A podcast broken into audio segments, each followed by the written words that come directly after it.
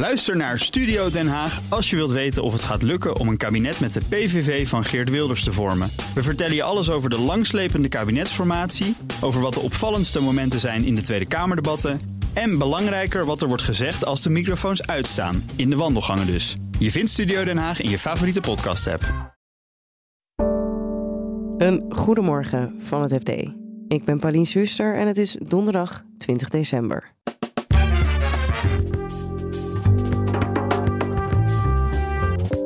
Ambtenaren van Financiën concluderen dat investeren in een huurwoning nog amper loont.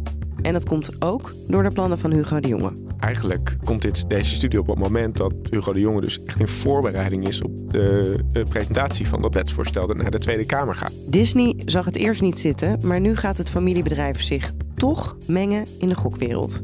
Ja, dat, dat, het hoort gewoon niet bij dat Magic Kingdom wat Disney wil zijn. En ondernemer Gerard Sandrink staat weer voor de ondernemingskamer. Dit is de dagkoers van het FD. We beginnen bij de Twentse zakenman Gerard Sandrink.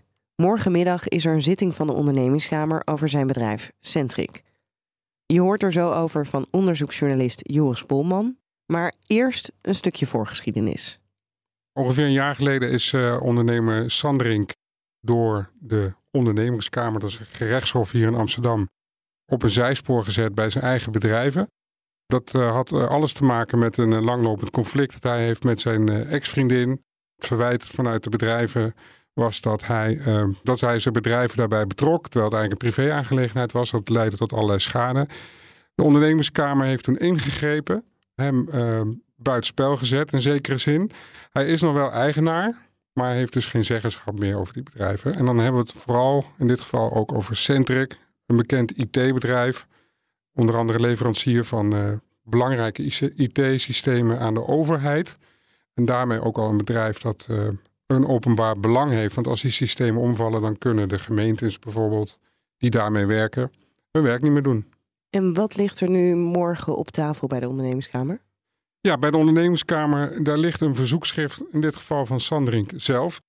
Er zijn een aantal dingen waar hij uh, graag een maatregel voor zou willen zien, een voorziening. En dat uh, heeft onder andere te maken met de informatievoorziening die hij uh, wenst te krijgen vanuit Centric. Dan gaat het om financiële informatie, jaarverslagen, halfjaarverslagen, kwartaalberichten. En die heeft hij nodig om eigenlijk twee kwesties die ook voorliggen. Enerzijds zegt hij, ik wil dividend ontvangen van Centric. Daar heb ik recht op. Het gaat om tientallen miljoenen volgens hem. En Centric zegt steeds, ja nee, maar uh, wij maken helemaal geen winst. En als je geen winst maakt, dan uh, is er ook geen dividend. En we hebben dat geld echt nodig om het bedrijf weer op de rails te krijgen. Nou, zegt hij, laat maar zien, geef die informatie maar. Wat zegt Centric over die informatie? Want die zou Sandrink op zich als aandeelhouder, moet hij wel geïnformeerd worden? Ja, daar zijn ze het ook niet mee oneens. Uh, ze zeggen dat ze de relevante stukken wel degelijk met hem delen. Ze zeggen ook steeds dat ze proberen om met hem in gesprek te komen. Uh, maar eh, ja, dan wordt dat weer afgezegd. Dan heeft hij weer andere advocaten. het komt maar niet van de grond. Er is geloof ik één gesprek geweest. Nou, dat schijnt, niet, schijnt allemaal weer niet lekker te zijn gelopen. dus dat gaat heel moeizaam. Het leidt tot veel ergernis en irritatie.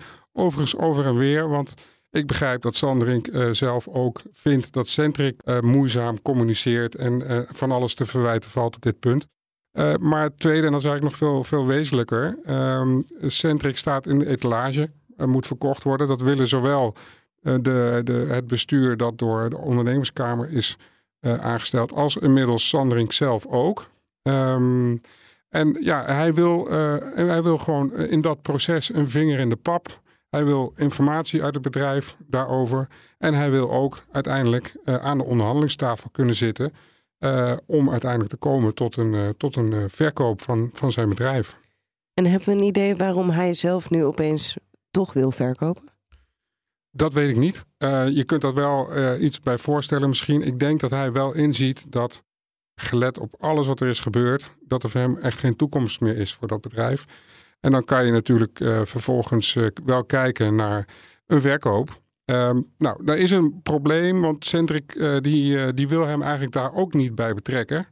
Um, dat verwacht ik ook dat dat donderdag duidelijk zal worden uitgelegd. Want zij willen gewoon Ze zijn bijvoorbeeld bang dat een eventuele nieuwe koper toch gelieerd is aan Sanderink. Of gelie- gelieerd is aan Van Rijbroek. Het zij direct, het zij indirect. Dat willen zij pertinent eigenlijk voorkomen. Waarom ook? Omdat allerlei klanten steeds maar weer aangeven... wij willen nog wel zaken met jullie doen... maar garandeer ons dan dat eh Sanderink helemaal niets meer te maken heeft met Centric. Nou, hij zou dus via een verkoop... ehm, nou, zou hij via een achterdeurtje toch weer invloed op het bedrijf kunnen krijgen. Die angst, die leeft nog steeds bij Centric. En daar zijn dus criteria voor afgesproken ehm, voor een nieuwe aandeelhouder. En voor iedereen die in de afgelopen jaren dit niet heeft gevolgd, je liet de naam eh, Van Rijbroek vallen. Ja. Wie is dat en waarom mag zij niks te maken hebben met die bedrijven? Ja, Van Rijbroek eh, is inmiddels eh, de nieuwe geliefde, zelfs echtgenote van, van, van Sanderink. We kennen haar natuurlijk als eh, zelfbenoemd eh, cyber-expert. Ze heeft in het verleden zichzelf geprofileerd als iemand met heel veel kennis van, van IT-systemen, beveiliging en meer van dat soort terreinen.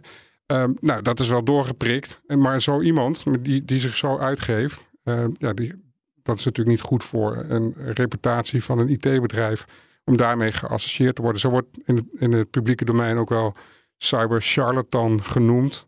Ja, dat geeft eigenlijk wel aan hoe er over haar wordt gedacht in dat wereldje. En wat weten we over hoe Centric hierin staat, eh, wat Sanderink wil?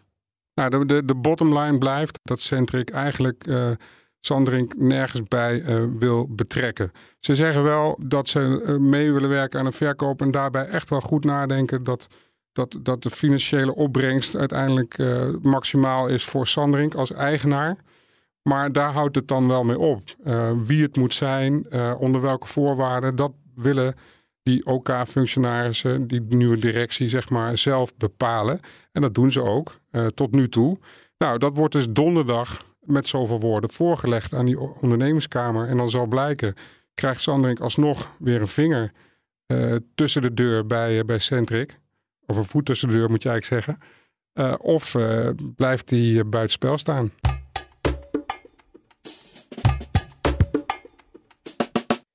Particuliere beleggers roepen het al maanden. Investeren in een huurwoning kan niet meer uit. Die conclusie trekken nu ook ambtenaren van het ministerie van Financiën in economenvakblad ESB. Je hoort woningmarktredacteur Erik van Rijn. Nou, op dit moment valt er een stuk minder aan zo'n huurwoning te verdienen dan voorheen, concluderen de ambtenaren van het ministerie van Financiën. Dus voorheen was dat dan een procent of acht als je instapte als nieuwe verhuurder. En door die opeenstapeling van, eh, van factoren is dat gedaald als je nu instapt tot een pak een beet 2, 2, 2,5 procent. Zoiets. Dat is wel een stuk minder, denk ik, dan de gemiddelde particuliere belegger wil. Ja, inderdaad. Kijk, als je besluit om in vastgoed te beleggen, dan kijk je natuurlijk altijd van ja, oké, als je hebt een potje geld over, wat ga je daarmee doen? Stop ik het in aandelen, obligaties eh, of in vastgoed? Ja, en voor al die factoren wil je graag een eh, bepaald rendement zien op het risico dat je neemt. En ja, op dit moment zijn de staatsobligaties natuurlijk ook alweer eh, wat, meer, eh, wat meer waard. Hè. De obligaties, de rentes zijn wat gestegen. Dus ja, dat, dat maakt eigenlijk dat zo'n vastgoed dan daarmee ook wellicht een wat minder aantrekkelijk alternatief is. Ja, het minimumrendement waar een beetje mee gerekend wordt, zou zo'n 5% moeten zijn. Ja, klopt inderdaad. Dat, wordt, wel dat wordt wel gezegd. Van, ja, dat is eigenlijk de minimumrendementseis die vastgoedbeleggers graag willen, willen zien. Ja, en door die eh, gestegen rente, door het feit dat de overdrachtsbelasting is omhoog is gegaan en door ehm, de fiscale maatregelen, dus het, het verhogen van, eh, van de vermogensrendementsheffing, zorgt dat er eigenlijk voor dat je, ja, dat je toch onder die, onder die rendementseis gaat, gaat vallen. En dan hebben we het nog niet eens gehad over die mogelijke huurregulering die er, die er aan zit te komen.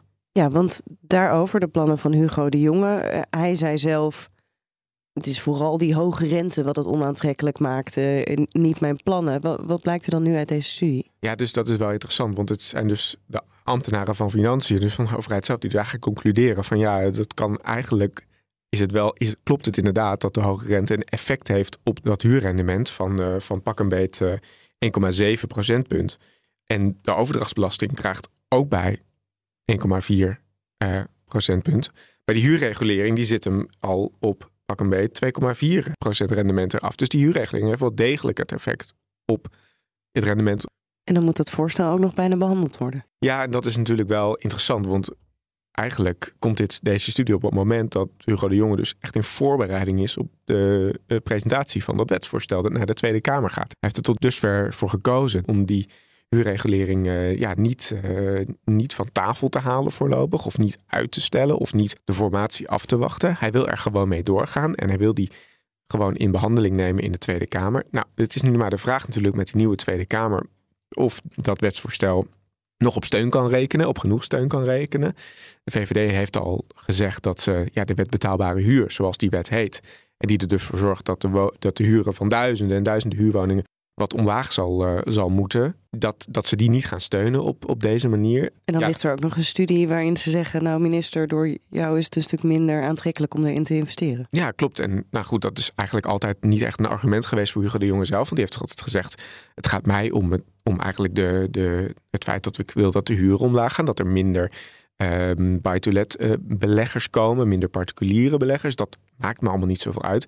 Ik wil me graag richten op die institutionele partijen. Ik vind het belangrijk dat we vooral pensioenfondsen en verzekeraars aan de, aan de slag houden. En het is ook wel duidelijk dat voor hen die huurregulering er iets minder hard inhakt dan voor de particuliere vastgoedbelegger. En zij nemen over het algemeen ook genoegen met een iets lager rendement dan een, eh, dan een particuliere vastgoedbelegger. En dan Disney. Diens CEO Bob Iger zei eerder: Ik kan me niet voorstellen dat wij als familiebedrijf het gokken op sportwedstrijden gaan faciliteren. En toch doen ze dat nu. Een snel groeiende markt, die gokmarkt in Amerika, vertelt onze correspondent Lennart Sandbergen. Het is denk ik een beetje vergelijkbaar met in veel andere landen. Het is jarenlang verboden geweest om uh, zomaar op sporten te wedden. En dat is eigenlijk pas in 2018 veranderd na een uitspraak van het Hoge Rechtshof. En nu is het aan de staten zelf om te bepalen of ze toestaan. Nou ja, dat gebeurt in vrijwel alle staten ondertussen langzaamaan wordt het toegestaan. En ja, die markt groeit daarmee ook heel erg hard. Uh, in 2022 ging er 7,6 miljard om in uh. En uh, marktexperts schatten het dit jaar op 11,8 miljard al. Dus nou ja, dat, is wel, dat zijn een beetje de groeicijfers die wel door lijken te zetten. En er zijn twee partijen op die markt die ja, die eigenlijk de dienst uitmaken. Dat zijn DraftKings en Flutter. Flutter, die, dat is een Brits bedrijf. Er zit ook Paddy Power en Betfair. Nou ja, als je in, in Londen rondloopt, dan zie je die uh, namen ook, overal ook wel staan. En in Amerika heet dat FanDuel, wat, zij, uh, ja, wat ze uitbaten. En die hebben met z'n tweeën driekwart van de markt in handen. En Disney zei vroeger, wij gaan hier waarschijnlijk niet instappen, maar nu gaan ze toch. De CEO, Bob Iger, die heeft heel lang gezegd van ja, dat past niet echt bij ons. Nou ja, we kennen Disney natuurlijk uh, van Mickey Mouse en Winnie the Pooh en de kleine zeemermin. Ja, gokken past daar niet echt bij. Het is verslavend. Ja, dat, dat, het hoort gewoon niet bij dat Magic Kingdom wat Disney wil zijn. Maar ja, goed, ondertussen gaat het niet zo goed met Disney. En komt het er eigenlijk gewoon op neer dat ze het geld nodig hebben. Uh, dus wat Disney heeft gedaan, is dat ze een deal hebben gesloten met een casinobedrijf, Penn. En nou ja, waar het op neerkomt, is eigenlijk dat Disney de naam ESPN Bet verkoopt aan Penn. En daarvoor in ruil krijgt, krijgt Disney in totaal 1,5 miljard uitbetaald. In hoeverre helpt dit Disney nu verder financieel? Want het ging niet zo lekker. Nee, klopt. En het gaat eigenlijk nog steeds niet heel top. Ja, het grote probleem voor ESPN is, jarenlang was het super lucratief. Iedere Amerikaan had een televisieabonnement. En als je een televisieabonnement had, dan betaalde je eigenlijk automatisch mee ook aan, uh, ja, aan alle sport die ESPN uitzond. Natuurlijk keken er ook gewoon heel veel mensen naar. Nog steeds kijken Amerikanen heel graag naar sport, maar nu doen ze het vaker digitaal. En juist op tv zijn de reclames veel meer waard. Uh, dus ja, het was heel lang echt een, echt een grote cash cow. Ja, en dat verandert wel een beetje. Nog maar minder dan de helft van de Amerikanen heeft een televisieabonnement. En uh, ja, al die afhakers, dat raakt enorm uh, aan, de, ja, aan de winst van ESPN. De rest van het bedrijf gaat ook niet zo lekker. Nou ja, die streamdienst, dat Disney Plus, dat werkt ook niet zo goed. Dus er wordt al heel lang gesuggereerd dat misschien ESPN als los bedrijf gaat worden verkocht. Naar de beurs gebracht gaat worden misschien. Ja, en dan helpt het bijvoorbeeld als je dan al zo'n gokdienst hebt opgezet. Omdat je dan toch weer extra uh, omzet kan presenteren. En dus ook uh, meer geld kan vangen als je het verkoopt.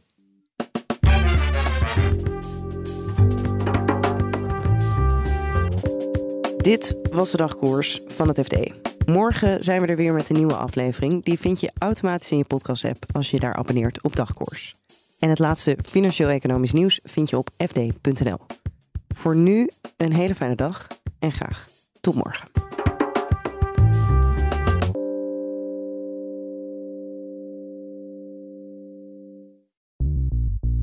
Bij BNR ben je altijd als eerste op de hoogte van het laatste nieuws. Luister dagelijks live via internet. Bas van Werven. En heel langzaam komt de zon op rond dit tijdstip. Je krijgt inzicht in de dag die komt op BNR, het Binnenhof in Nederland en de rest van de wereld. De Ochtendspits. Voor de beste start van je werkdag. Blijf scherp en mis niets.